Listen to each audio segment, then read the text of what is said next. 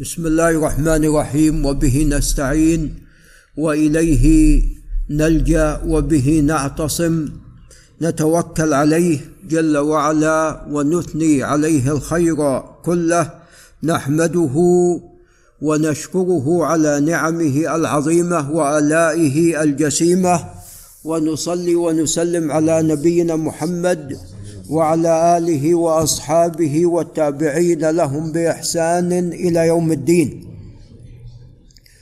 قال باب نهي الرجال عن لبس المعصفر وما جاء في الأحمر.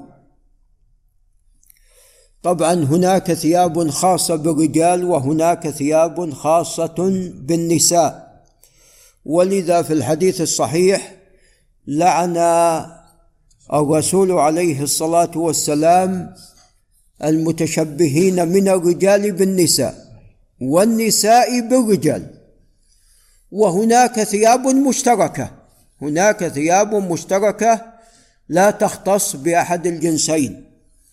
وهناك ثياب مختصة بالرجال كما تعلمون وثياب مختصة بالنساء.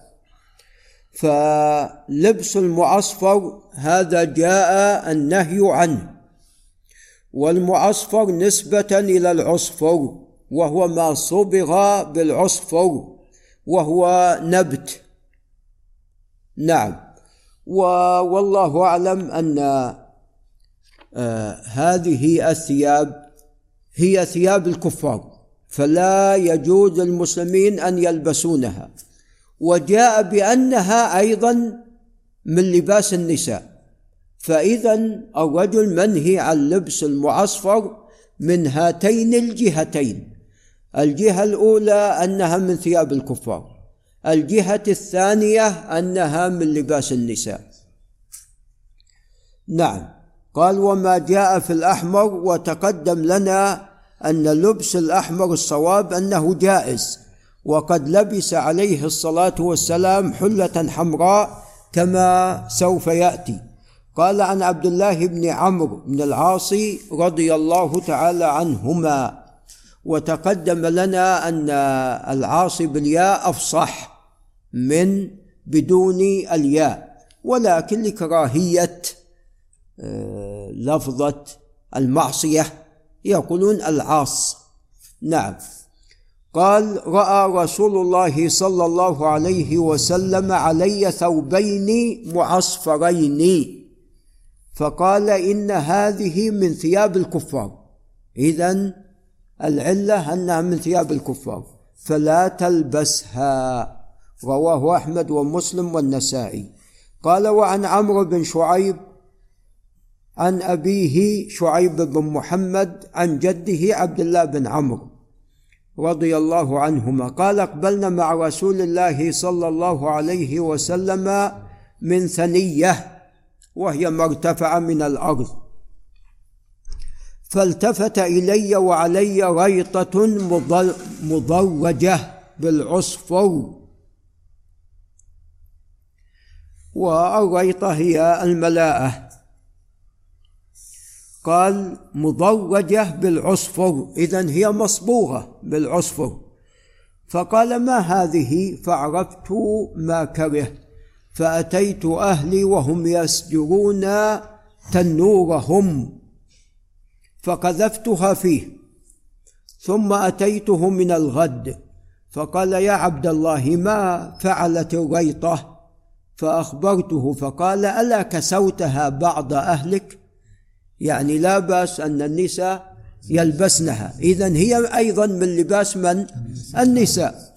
قال رواه أحمد وكذلك أبو داود وابن ماجه. وزاد فإنه لا بأس بذلك للنساء. قال وعن علي رضي الله عنه قال نهاني رسول الله صلى الله عليه وسلم عن التختم بالذهب وعن لباس القسي. وهو نوع من الحرير. لعل الشيخ بندر ينتبه وعن القراءة في الركوع والسجود. القراءة في الركوع والسجود لا تجوز وإنما الركوع محل تحظيم الله. وأما السجود فهو محل الدعاء. قال وعن لباس المعصفر. إذا نهاه عن خمسة أشياء تختم بالذهب لباس القسي قراءة في الركوع لباس المعصفر قراءة في الركوع والسجود إذا أردنا أن نجعلها خامسة. وعن لباس المعصفر قال رواه الجماعة إلا البخاري وابن ماجه. قال وعن البراء بن عازب رضي الله عنه قال كان الرسول صلى الله عليه وسلم مربوعا يعني ما بين الطويل والقصير عليه الصلاة والسلام وهذا أقرب إلى الكمال. نعم. بعيد ما بين المنكبين. له شعر يبلغ شحمة أذنيه. رأيته في حلة حمراء هذا الشاهد.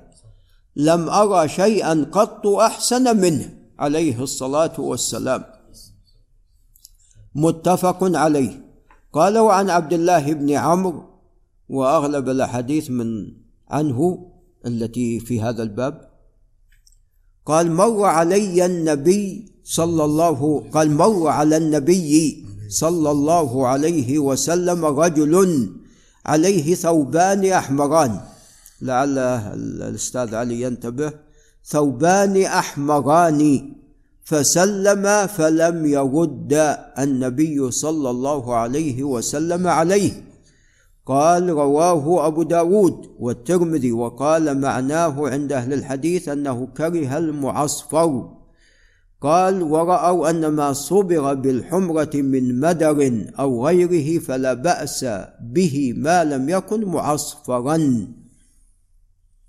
طبعا ثوبان أحمران الراجح ما تقدم في مسلم أنهم ليس وإنما ثوبين ماذا؟ معصفرين. ولذا أنا قلت الأستاذ علي ينتبه الراجح ما تقدم في مسلم وأيضا ما تقدم في حديث عمرو بن شعيب مضوجة بالعصفر نعم. ولذا الترمذي بين أن ما صبغ بالحمرة فلا بأس ما لم يكن معصفرا فالمعصفر هو الذي جاء النهي عنه. ولعل نقف عند هنا. هذا وبالله تعالى التوفيق.